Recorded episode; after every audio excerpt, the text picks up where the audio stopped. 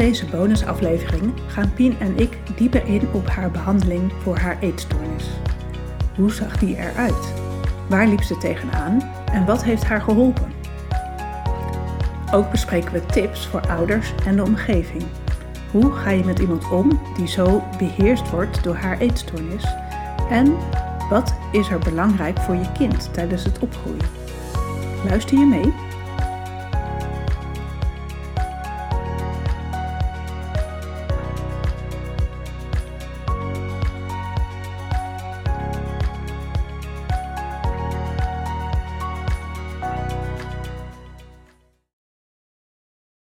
Die wachtrijen waren eigenlijk gewoon zo enorm. Dus uiteindelijk hebben, we, hebben ze me ergens aangemeld waar ik echt ja, een paar weken geen reactie eigenlijk kreeg. Dus toen zijn ze naar een andere optie gaan zoeken.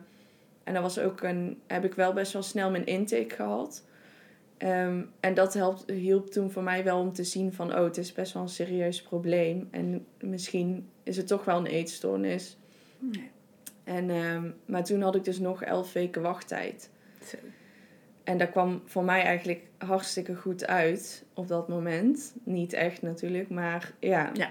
voor de eetstoornis kwam dat heel goed uit. Eh, want toen kon ik, ja, kon ik eigenlijk gewoon weer mijn gang gaan. En ehm, eh, ja, was het een soort van uitstellen van ermee aan de slag te gaan. Ja, Ja, Ja. hoefde je tenminste nog niet en kon je gewoon nog even met die eetstoornis zijn. ja precies. Ja. En steeds meer mensen wisten er toen wel van. Maar die hadden ook geen idee, zeg maar, wat, ja, wat normaal was om te doen. Ja. Dus eh, ja, ik kon toen nog wel echt eh, mijn gang gaan eigenlijk. En dat is ook wel heel lastig geweest. Van dan kom je eindelijk in behandeling en dan ben je eigenlijk alweer elf weken eh, teruggezakt. Ja, Ja. dat is best veel, ja. In Ja. elf weken kan nog een hoop gebeuren. En eh, ja, je moet ook, ik weet nog dat je moet een bepaalde BMI hebben om, ehm, om in, in een GGZ behandeld te kunnen worden. Omdat eh, ja, je moet wel genoeg concentratievermogen hebben om, om die therapieën te volgen en om daar eh, vier hele dagen te zitten. En eh, ik was gewogen en gemeten bij de intake, maar elf weken later ehm, ja, was ik alweer zoveel in ge- gewicht gezakt eigenlijk dat ze zeiden van, maar eigenlijk kunnen we op deze BMI kun je hier helemaal niet beginnen. Ja. En uiteindelijk hebben ze toch gezegd van, ja, je mag toch starten, maar dan, eh, ja, daarom heeft uiteindelijk mijn eerste behandeling, die dus eh, vier dagen was per week, eh, die heeft ook twintig weken geduurd in plaats van acht weken. Omdat ehm, ja, ik eigenlijk gewoon helemaal geen concentratievermogen had. En ik er zo hard tegenaan aan het trappen was dat het allemaal voor mij niet zo was. En ehm, ja, Dus eigenlijk nog tegen verzetten. ja, Ja, het liefst nog met die eetstoornis ja, heel blijven. erg. Ja. Ja, ja. En hoe, hoe zag jouw leven eruit op dat dieptepunt, zeg maar? Ja, ik noem het nu eh, dieptepunt, maar Ja. toen voelt het misschien niet zo. Oh ja, jawel, Ja. zeker. Ja. Ehm, nou, op het begin van die behandeling woonde ik nog in Rotterdam op mezelf. Eh, maar dat ging op een gegeven moment gewoon echt niet meer. En ehm, ik, kon, ik merkte gewoon aan alles dat ik eigenlijk niet voor mezelf kon zorgen. Maar ik wilde gewoon echt niet weg uit Rotterdam. En ehm, eigenlijk ging het gewoon steeds slechter met eten en ehm, met mijn gewicht. En Maar lag je dan, s ochtends kon je moeilijk uit bed komen? Of, of ging je juist nog veel sporten? Ja, Of- ik was nog gewoon heel actief en ik was daar ook niet eerlijk over. En ehm, met eten, ik, ik, had, ik kreeg daar natuurlijk voor het eerst een eetlijst. Ehm, en ik had, ja, ik had me nog nooit aan een eetlijst hoeven houden. Dus ik hield me daar op het begin, lukte me dat gewoon niet. En dat was ook het stukje van, ehm, ik kon toen gewoon echt niet meer voor mezelf zorgen. En op een gegeven moment ja, duurde dat dus best wel een poosje en het ging eigenlijk steeds meer achter, achteruit. Ehm, en toen eh, kreeg ik eigenlijk een. Eigenlijk gingen ze steeds meer eh, mij ontzien. Dus ik, op een gegeven moment mocht ik niet meer lopen. Ik mocht niet meer fietsen. Ehm, dus eigenlijk kon ik al helemaal niks meer thuis. Want ik kon al niet meer zelf mijn boodschappen doen. Omdat ik eigenlijk niet meer naar de supermarkt mocht lopen. Eh, dus ze wilde eigenlijk dat bewegen zoveel mogelijk beperken, zodat alles wat ik at, dat dat gewoon, eh, dat mijn lichaam dat kon gebruiken. Ja. Dus dat is ook een moment dat ik eh, bij mijn ouders moest gaan wonen. Ehm, dus mijn, ja, hoe zag mijn leven er toen uit? Ik ging vier dagen naar therapie. Ehm, volgens mij ehm, stond om half zeven altijd de taxi eh, voor de deur en die kwamen me ophalen. En ja, dan ging ik naar therapie. Dan was ik daar de hele dag en dan werd ik terug opgehaald met de taxi. En ehm, ja, verder draaide het leven om eten, mijn eetlijst volgen. En ehm, ja, dat is ook wel een hele depressieve periode geweest. Ja. Ja, Ja. Want eigenlijk kan je dan niks, of mag je niks voor je gevoel. Mhm. ja dat was... die ehm, eetstoornis trekt aan je misschien. ja. Ik weet niet hoe dat werkt, maar... Ja, continu. Want ik zat heel erg ehm, tussen. In therapie leerde ik heel erg van eh, wat die eetstoornis eigenlijk allemaal zei en wie ik daar zelf los van was. Maar ik was gewoon. Het voelde echt alsof die eetstoornis een olifant was en ik een heel klein muisje die daar tegen aan het schreeuwen was. Ja. En eh, omdat je zo laag in gewicht zit en omdat je zo weinig energie hebt, en, eh, is het ook heel lastig om die dingen aan te gaan. En dat is ook dan voornamelijk het doel, is dan gewoon aansterken, waardoor jij dus eh, ehm, beter in je vel komt te zitten, waardoor je dus eh, weer na kan denken over dingen buiten eten om. En ehm, waardoor je dus ook tegen die eetstoornis in kan gaan. En daarom is dat stukje heel belangrijk om daar eigenlijk zo snel mogelijk uit te komen en aan te komen in gewicht. Want op het moment dat je zo laag daarin zit en je zo laag in je energie, dan kun je die therapieën ook niet in je opnemen. Nee. En dan kan je, heb je ook niet de kracht en energie om Nee. überhaupt eh, ja, tegen die eetstoornis Nee, helemaal in, een niet. van, eh, in Ja. opstand te komen. En zo. op een gegeven moment kwam ik ook wel in een. Toen was die therapie mij. En ik volgde voornamelijk groepstherapie. En dat was mij zo eh, eigenlijk veilig geworden dat de dagen thuis nog erger waren dan de dagen in therapie. Omdat ik daar in ieder geval ehm, het gevoel had dat andere mensen ook mij hielpen die eetstoornis tegen te spreken. Ja. En wanneer ik thuis was, kon die veel meer zijn eigen gang gaan. Ja. En ehm, ja, dat is wel, ja, als ik daar nu op terugkijk, is dat wel echt een hele zware periode geweest. Ja, het is dan ook een eenzame strijd. Ja, heel Ja. erg. En ook wel omdat je gewoon vaak, ja, mensen willen je heel graag helpen, maar je kan dat gewoon op dat moment niet toelaten. Ik vond dat heel lastig. Ja. Ja. Ja. Hoe werkte dat dan? Dat, eh, dat je het niet kon toelaten? Hoe, eh, Ehm, ja, soms werden gewoon mensen die eigenlijk om je geven dan gezien door de eetzone als vijanden. Dus zij waren eigenlijk een soort van gevaarlijk, want zij waren degene die jou wel konden helpen. Ja. Ehm, dus ja, dat, dat was het stukje vanuit de eetzones. En vanuit mij vond ik het gewoon... Ik zelf vond het heel eng om daar tegen in te gaan. En ehm, ook eerlijk te zijn tegen de mensen om me heen. Eh, eerlijk te zijn over mijn angsten, over wat er op dat moment speelde. Want ik was dat helemaal niet gewend om mijn gevoel uit te spreken. Ja. En dat heb ik op een gegeven moment wel echt geleerd. eh, om dat steeds meer te gaan doen. Ehm, maar daar zaten zoveel angsten weer bij. En schuldgevoelens naar de mensen om me heen. En Ja. Dus dat was eigenlijk veel spannender en enger dan die eetstoornis, want die kende je. Ja, precies. Dat was mijn veilige weg. En ehm, ja, soms leek het ook alsof het makkelijker was om daarbij te blijven. Ehm, dan inderdaad jezelf daartegen te verzetten of je open te stellen naar de mensen die eigenlijk de helpende handen hebben. Ja, Ja. En hoe was dat dan om 's ochtends dan die taxi in te moeten stappen? Mm, ja. Ja, op een gegeven moment werd het, ja, was het gewoon wel heel veilig geworden voor me. Ja. Ehm, maar ja, het was ook wel dat je je soms echt beseft van... Dit is niet het leven, zeg maar. Ehm, ja, ook als ik me dan bedacht van, oh, wat zouden andere mensen van mijn leeftijd nu doen? En eh, ja, je, hebt, je leeft op een gegeven moment zo afgesloten en ook alles ehm, waar je over nadenkt, alles heeft te maken met therapie en met die eetstoornis en eh, met je eigen ontwikkeling. En dan is er op een gegeven moment zo weinig nog buiten. Ja. Dus ja, wat, ja, hoe voelde dat als ik in die taxi stapte? Van de ene kant veilig. En ook wel fijn dat je weet van ik word, ik word geholpen. Ehm, maar ook wel vaak heel zwaar. En eh, ja, je weet wel iedere keer van als ik erheen ga, moet ik echt met mezelf bezig zijn. En, en moet ik er weer voor gaan vechten. Ja, Ja. ja. En eh, dus daar ben je toen echt twintig weken Ja. Geweest, thuis gewoond en dan in die ehm, therapie. Ja. Ja. ja. En ehm, wat zijn de dingen die je daar echt zijn bijgebleven? Wat heeft je geholpen, zeg maar, uiteindelijk? In die therapie. Ja. Ehm, ja, wat heeft me echt geholpen?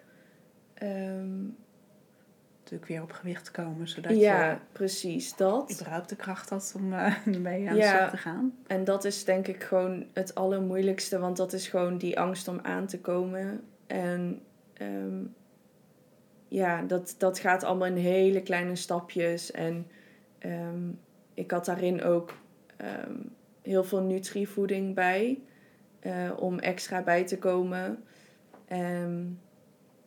En dat eetplan gaan volgen en erop vertrouwen dat dat is, ja, dat was volgens mij voor mij dat ik altijd zei van dat eetplan volgen, als ik dat doe, dan ehm, heb ik die stok achter de deur eh, ja, om de rest ook aan te gaan. En dat werd voor mij op een gegeven moment echt een ding van oké, als ik dat doe, dan eh, kan ik een stapje zetten naar de rest. Ehm, en verder, ja, wat me heel erg heeft geholpen, eigenlijk die groepstherapieën vond ik super eng. Dat je gewoon, ja, je ineens open moest stellen aan mensen. Terwijl ik kon me al niet eens openstellen aan de mensen die ik eh, überhaupt al om me heen had. Ehm, dus ja, dat was gewoon super spannend. Maar uiteindelijk leer je daar zoveel van. Ja.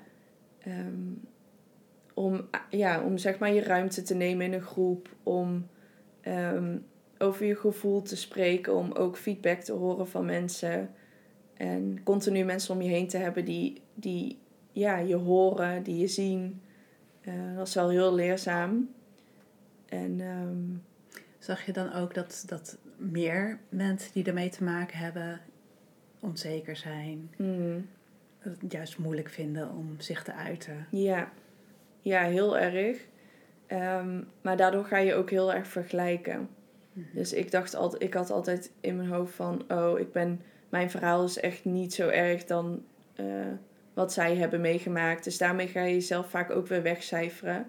Of wanneer iemand bijvoorbeeld in de groep meer eh, tijd innam dan eigenlijk was afgesproken, dan ja, had je zoiets van, nou, mijn ding is niet zo belangrijk, dus laat, zij, laat hun maar gaan. Oh ja. Ehm, ja, dus dat, ja. Maar het was wel heel, ook wel weer heel zinvol om ehm, andere mensen daarin te horen en inderdaad te zien van eh, meer mensen eh, zitten in dit schuitje. En eh, daaraan kun je wel ook wel weer heel veel steun hebben aan elkaar. Ja.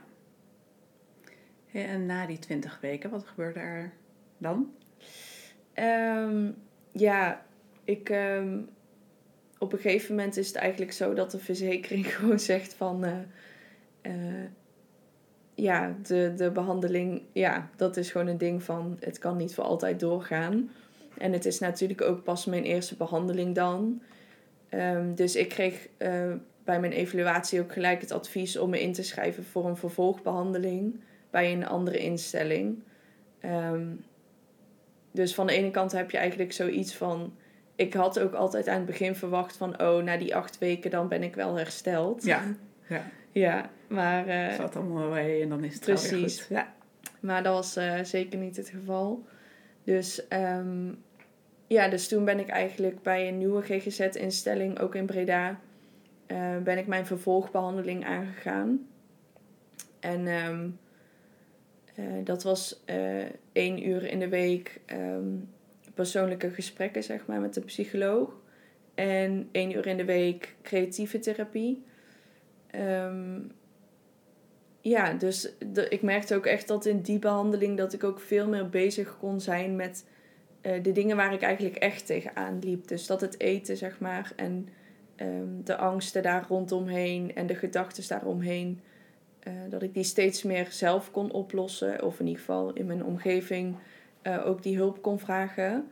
En dat het steeds meer dus ging over de onderliggende, achterliggende dingen. Ah, dat is best wel een grote stap. Ja, ja. ja zeker. Um, en toen ook wel heel veel echt ben gaan graven in wat is er nou allemaal gebeurd en waar komt die eetstoornis nou echt vandaan.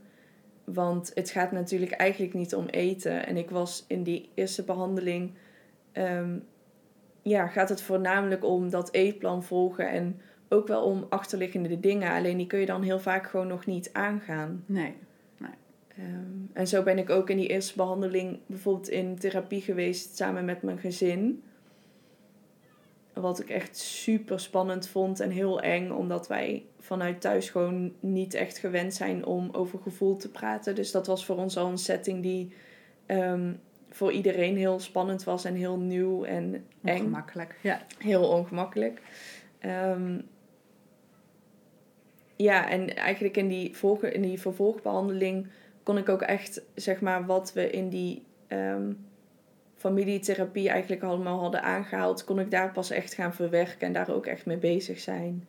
En um, ja, daar ook in besluiten van wat, wat wil ik daarin veranderen of wat wil ik daarmee. Ja, en dan ging het echt over jou. Ja. En, uh, één op één. Mm, ja. Dus je kon ook niet meer verschuilen achter iemand anders die meer tijd innam. Nee, en um, ja, precies. Ja. Dus het ging, ja, het was veel meer op mij gericht. En um, uh, ik denk dat ik vanaf toen ook wel besefte van ik, ja, ik moet nu echt mijn verantwoordelijkheid gaan nemen. Want dat is eigenlijk wat een eetstoornis ook vaak doet. Die neemt gewoon alle verantwoordelijkheid weg. Of ja, dat gevoel heb je van je wordt eigenlijk weer een soort van een kind. Um, want ja, ik, ik woonde toen bij mijn ouders. Mijn ouders maakten me eten. Ik mocht er niet mee bemoeien. Ik mocht niet zelf opscheppen. Ik mocht niet zelf opstaan om een glas drinken te halen. Dus alles wordt voor je gedaan. En um, je wordt niet meer meegenomen in discussies. Je wordt niet meer om dingen gevraagd. Dus eigenlijk word je een soort van weer. Ja, Alles wordt kind. voor jou bepaald. En, Alles ja. wordt voor mij bepaald. Dat vond ik heel prettig eigenlijk. Want ja, daar zat ook een, een deel van mij wat ik altijd vermijde. Conflicten aangaan, confrontaties, keuzes maken. Um, dus ja, er komt dan weer een moment dat je je beseft van... Oké, okay, ik heb deze verantwoordelijkheid eigenlijk voor mezelf en mijn eigen leven heel lang... Um, ja, ben je die gewoon uit de weg gegaan. En dat voelt ook heel veilig, had ja. ik in ieder geval. Ja. ja. ja. ja. En toen had je dus um, één keer in de week therapie. Mm -hmm. En, um, en die creatieve ja. therapie. Ja. Dus kon je weer je creatieve kant weer uh, ja, precies. meer uh, ontwikkelen. Ja. Of hoe zeg je dat? Uh, ja. En daar wat meer in uiten ook. Nou ja, ja, precies. Eigenlijk omdat ik... Ik ben altijd zo creatief geweest. Ik doe ook een creatieve opleiding. Um, maar omdat ik dus altijd zo bezig was met dat vluchten... en niet bezig zijn... of uh, niet uh, thuis zijn... en met mensen om me heen... Uh, daardoor was ik ook een beetje verloren wie ik nou echt zelf was. En um, ik denk ook na die eerste behandeling... dat ik ook echt moest gaan ik moest ook echt zeg maar gaan ontdekken van wie ben ik buiten die eetstoornis om. Want dat wordt op een gegeven moment zo je... Ja, je kan het gewoon niet meer onderscheiden van jezelf eigenlijk. Ja, ja. Dus dat was al... Uh, dat deed ik eigenlijk toen ook wel. Maar toen had ik vaak heel veel geen energie om echt dingen voor mezelf te gaan doen. Dus dat kwam eigenlijk echt pas daarna. Dat ik echt uh, ja, mijn vrije tijd gewoon besteedde aan... Uh, de hele dag schilderen en echt dingen doen die ik leuk vond. En uh, daar heeft die creatieve therapie me ook mee geholpen om um, mijn harde ijs los te maken, los te laten eigenlijk. Um, omdat ik dus altijd, wanneer ik iets creatiefs ging doen, daar merkte ik ook heel erg die, ja, die te hoge lat van mezelf, dat alles gelijk mooi moest zijn. En um, daardoor begon ik er heel vaak niet aan, omdat ik dan dacht van, ja, het gaat toch niet mooi worden of ik heb het al zo lang niet meer gedaan, dus ik zal het wel niet meer kunnen. Ja, ja. En bij die creatieve therapie leerde ik echt om dus gewoon iets op papier te zetten en ehm, ja, het los te laten van of het mooi of lelijk moest zijn. Ja, dus minder het doel Ja, dan en meer gewoon het eh, moment. Het moment. ja. Ja. En meer kunnen genieten uiteindelijk van Ja. de bezigheid in plaats van Ja. het resultaat. En de overgave ook van ehm, je ziet wel wat eruit komt. En ehm, toen heb ik ook, of die, ja, toen heb ik ook een Instagram pagina gemaakt om daar mijn werk op te delen. ehm, om mezelf te stimuleren meer. Om ehm, het oké te vinden dat mijn werk, de, ja, dat het er mag zijn, zeg Ah, maar. ja, ja, En dat het Dus niet- dat je het wel kan plaatsen ook al.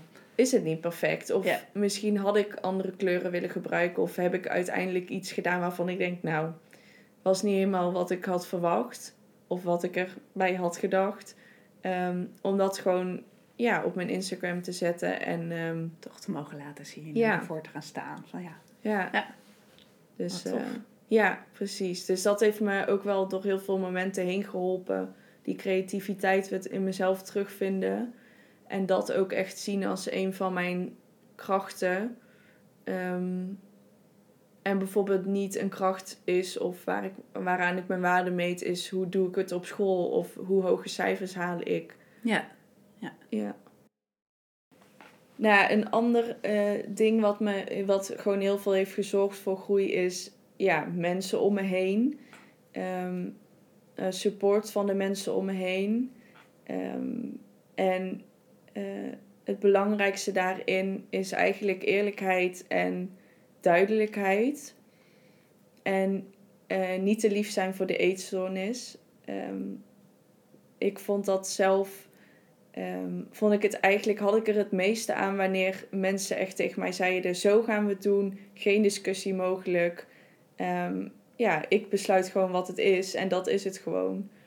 En op zo'n moment help je dan eigenlijk mij om eh, tegen die eetstoornis in te gaan. En ik had altijd heel veel excuses en redenen waarom ik dingen anders zou willen. Ehm, maar eigenlijk ga je dan gewoon mee in die eetstoornis.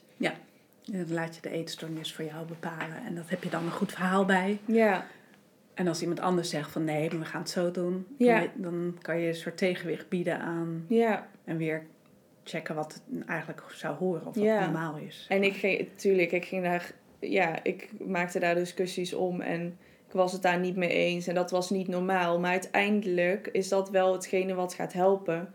Want als je die eetstoornis, zeg maar, blijft strelen en blijft zeggen van, oké, nou, we doen de helft van wat jij wilde, oké. Ehm, uiteindelijk, ja, is dat niet hetgene wat gaat helpen. Dan wordt het alleen maar moeilijker voor de persoon om, om er tegen in te gaan. Ja, Dus ja, dat zorgde voor heel veel weerstand, die duidelijkheid en die eerlijkheid. Maar uiteindelijk is het wel hetgene wat me het meest heeft geholpen. ja. Lijkt me best wel lastig voor je omgeving inderdaad. Heel lastig, want om zij zien het. te houden. Ja, en zij zien mij. Maar eigenlijk was het nog maar 10% pien en 90% eetstoornis. En dat, dat is eigenlijk wat je dan moet zien van... Dit is pien niet die praat, dit is de eetstoornis en daar moet je tegen ingaan. Ja, daar moet je hard tegen zijn. Ja, en ik denk ook ehm, sowieso zijn met gewoon zijn met de mensen om je heen.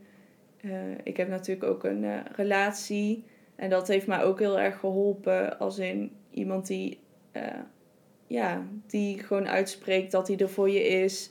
Maar ook die je gewoon eventjes terugtrekt in de realiteit. Want ik zat zo in mijn hoofd en ik was zo bezig met dat leven om, om eten en al die dingen die er eigenlijk niet echt toe doen.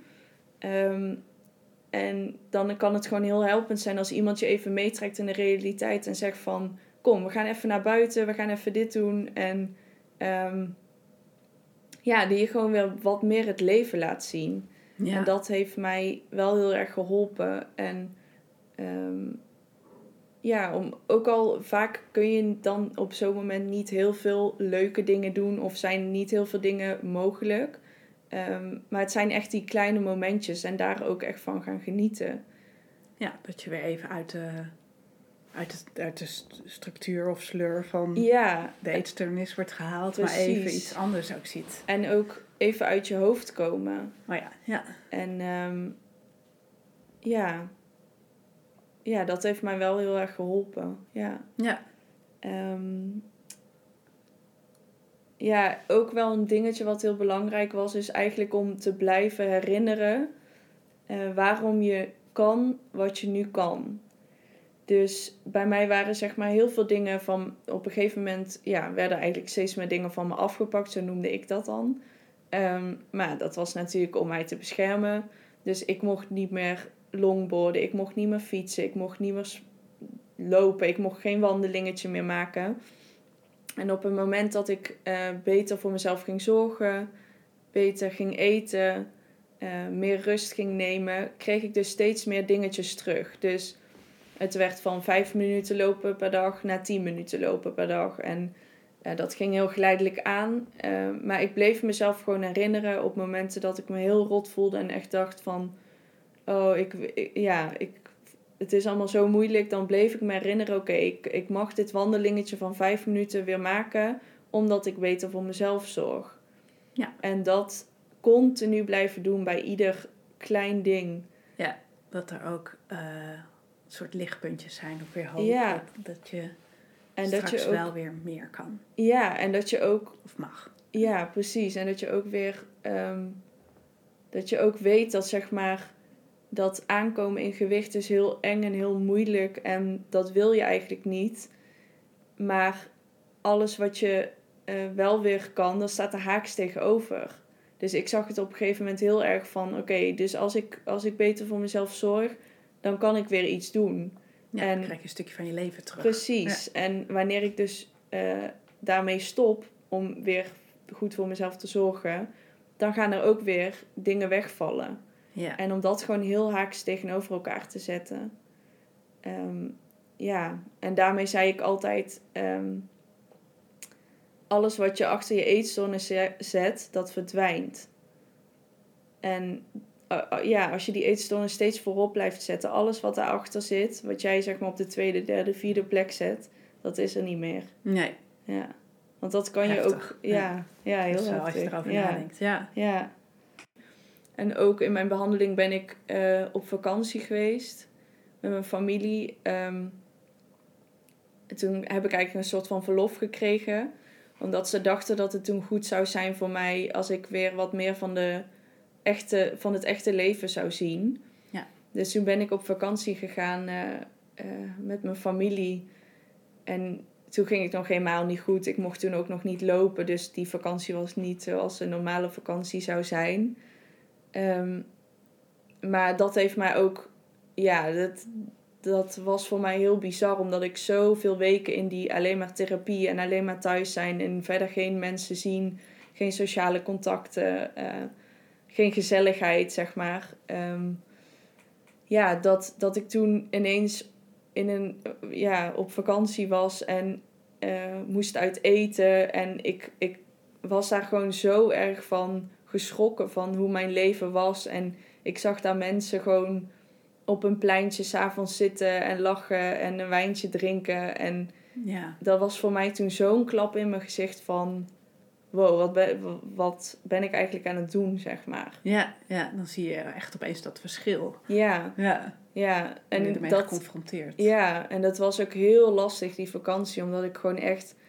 Ik zat gewoon daar huilend aan tafel. Omdat ik gewoon alleen maar mensen om me heen zag die het leuk hadden. En die gewoon aan het genieten waren. En ik zelf kon alleen maar denken van... Ik moet daar iets eten in een restaurant eh, wat ik niet durfde eten. Ja, Ja, ja, ja. dus dat is ook wel... eh, Dat je zo in die, in die strijd zit. Zeg Ja. maar. ja. Ja, en ook, ja, ik werd gewoon niet meer echt geconfronteerd met het echte leven, want alles was aangepast op mij. Ehm, en ja, dat had ik tijdens die vakantie wel heel erg, dat ik me dat ineens besefte. Ja. Dus uiteindelijk heeft dat jou wel geholpen dan ook? Om, Ja. om- Ja, uiteindelijk eh, ja, is dat ook wel een omslag geweest van, ehm, ja, dit, dit is niet het leven wat het is, zeg maar. En Ja. dan ga je op een gegeven moment, raak je daar gewoon aan gewend. Ehm, en zeker als je steeds meer vervreemd raakt van hetgene wat het was. Dus ja. Ehm, hoe was jij als kind? Ja, ehm, dat is natuurlijk wel iets wat ik altijd, of waar ik heel veel in ben gaan graven, zeg maar, in therapie. Omdat ik wel het gevoel had van uh, waar komen dingen vandaan. En dat je dat ook in therapie heel vaak moet doen. Van oké, ga eens terug naar die leeftijd. Hoe was je toen? En uh, zo ga je dan eigenlijk dingen herkennen waarvan je nu kan zeggen van... Oh, nu snap ik waarom ik dat altijd zo heb gedaan. Of waarom ik bepaalde patronen heb aangeleerd. En um, ja, ik was als kind... Uh, was ik heel rustig volgens mij. En ook heel tevreden. En um, ik paste me toen al altijd aan eigenlijk aan mijn omgeving. Um, en ik weet wel nog van, er werd altijd tegen mij gezegd van, oh ze is zo'n knap kindje en ze heeft zo'n lief gezichtje. En dat ik daardoor altijd heel erg het gevoel had van, oh mensen um, kijken daar alleen naar. En eigenlijk maakt het ze dan niet zo heel veel uit wat er um, binnen in jou Ja, wat er binnen in mij zit of wie ik echt ben als kind. En dat is wel iets wat me altijd heel erg is bijgebleven, dat dat al heel erg werd benoemd. Terwijl ik dus eigenlijk al van jongs af aan dacht van, um, en ik dan? Um, dus dat ik daarin wel altijd het gevoel heb gehad niet gezien te worden. Ja. En um, ja, iets wat ik was gewoon best wel gevoelig. Uh, en sowieso ben ik gewoon wel heel gevoelig. Ik voel dingen heel, uh, kan ik heel heftig aanvoelen. En dat heb ik dus een hele lange tijd zo erg weggedrukt. Mede ook omdat ik denk ik dus heel vaak heb gehoord van dat ik te gevoelig was. Of dat ik me te erg liet meeslepen. Of dat ik te erg dingen voor anderen voelde. Um, dus dat werd altijd een beetje benoemd als iets negatiefs. Of uh, ja, waarin ik mezelf dus uh, als kind al een beetje kwetsbaar en zwak voelde. Um, dus ik denk dat dat ook wel een ding is van uh, dat ik daardoor het gevoel heb gehad dat mijn gevoel um, gevaarlijk was of dat dat er niet mocht zijn. En um, ja, dus eigenlijk was ik denk ik gewoon heel meegaand en heel makkelijk in die zin. Uh, maar paste ik me eigenlijk continu aan. Ja. En uh, ja, was ik dus als kind ook heel bang om gepest te worden. Omdat ik dus altijd heel erg meevoelde voor die kinderen die gepest werden. Maar ik durfde er eigenlijk ook niks van te zeggen. En tegelijkertijd was ik dus heel bang dat dat mij ook zou gebeuren. Um, dus um, ging ik me echt al op jonge leeftijd... Uh, ja, inhouden of wat kleiner maken dan. Ja, precies. Minder ruimte innemen en um, um, ja, me echt aanpassen aan hoe andere mensen het deden. Ja, dat je een beetje onder de radar bleef. Ja, precies. Dan was je, viel je niet echt op en dan, ja, je was er wel, maar je viel niet per se te veel op. Ja. Ja. Ja. Ja. ja. En um, ja, um, ja, dat gevoel van niet. Dat is dus eigenlijk, ja, maak je jezelf dus kleiner, waardoor je niet gezien wil worden. Mm maar dat gevoel dus van niet gezien worden, dat voel je dan ook wel heel sterk. En dan had ik bijvoorbeeld wel heel veel behoefte aan. Dus um, ja, wat ik thuis altijd met mij was eigenlijk dat ik gewoon deed alsof ik pijn had. Of ik deed alsof ik ziek was, zodat uh, ja, er iemand naar me om zou kijken. En dus ook heel erg de bevestiging vragen altijd van iedereen. Um, en uh, ja, niet zo goed keuzes kunnen maken voor mezelf, omdat ik me dus altijd al aanpaste. Dus ja. die mening is gewoon helemaal ja, daarin uh, een beetje verwrongen, zeg maar. Ja. Ja, dus meer aanpassen en richten op de omgeving. Ja, en ook heel erg zorg dragen voor anderen heel zorgzaam, zouden mensen mij denk ik wel omschrijven. Maar dat dat ook vooral vaak kwam dus om uh, dus niet met mezelf bezig te zijn. Ja. En uh, ook wel ja, altijd vanuit een bepaald schuldgevoel wat ik meedroeg, al vanaf heel jongs af aan. Um, ja, dus bepaalde dingen voor mensen doen zodat ze er niet ehm, mij op aan zouden kijken of ehm, ja. Dus als ze gepest werden bijvoorbeeld. Ja.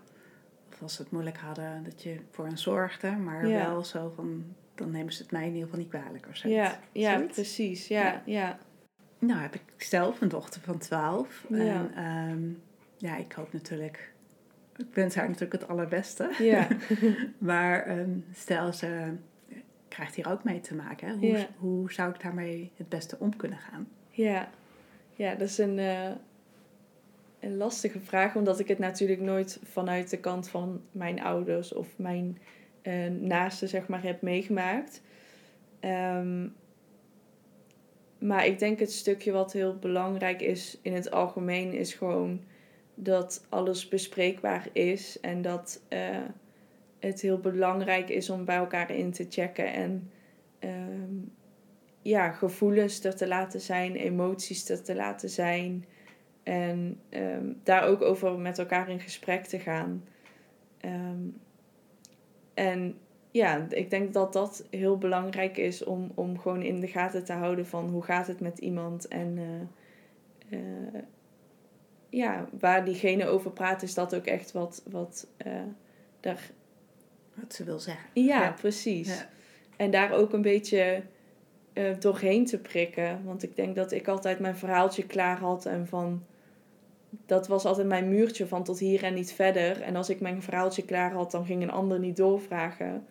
Ehm, en dat dus ja, vaker eigenlijk wel te doen. Ja, Ja, zodat de persoon zelf ook gezien wordt. ja. En dat gevoel ook heeft. Ja. Ja, Ja. Ja. Ja, en verder denk ik, ehm,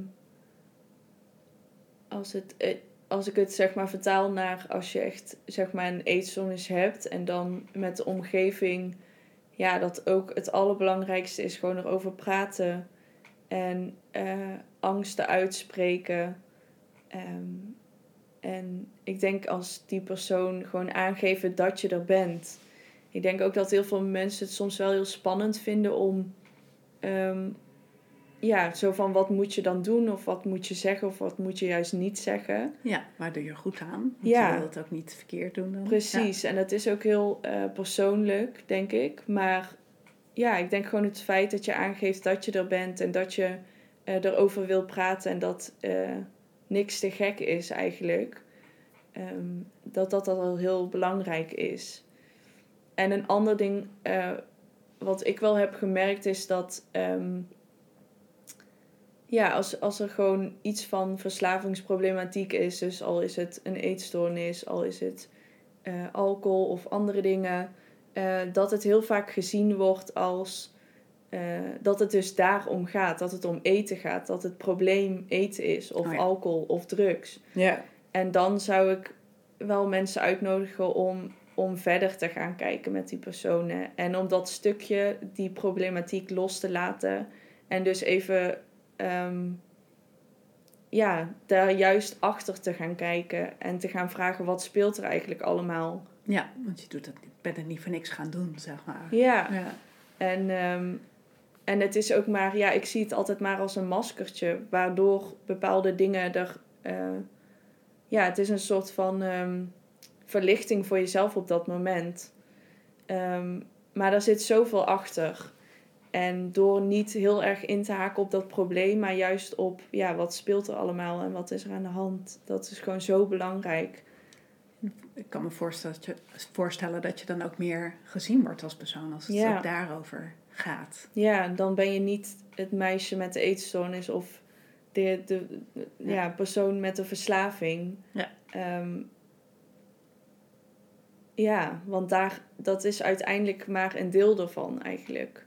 Ja, een En- soort laagje. Ja, en dat is wel vaak waar heel veel, of heel veel schaamte op zit. Of eh, ja, waar dus heel erg op ingezoomd wordt. Ja. Ja, Er gaat veel aandacht naar uit. Terwijl juist degene die aandacht nodig heeft, is Ja. de persoon daarachter, zeg maar. ja precies. Ja. Ja.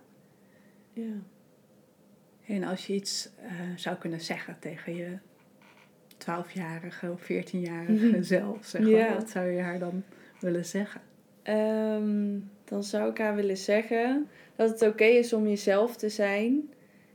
En om je gevoel er te laten zijn. Dat je mag vertrouwen op je gevoel. want dat is wat jou jou maakt. En dat het leven en de wereld niet zo eng hoeft te zijn. En dat je gewoon je ogen mag openen. En het gewoon aan mag gaan. En daarop mag vertrouwen.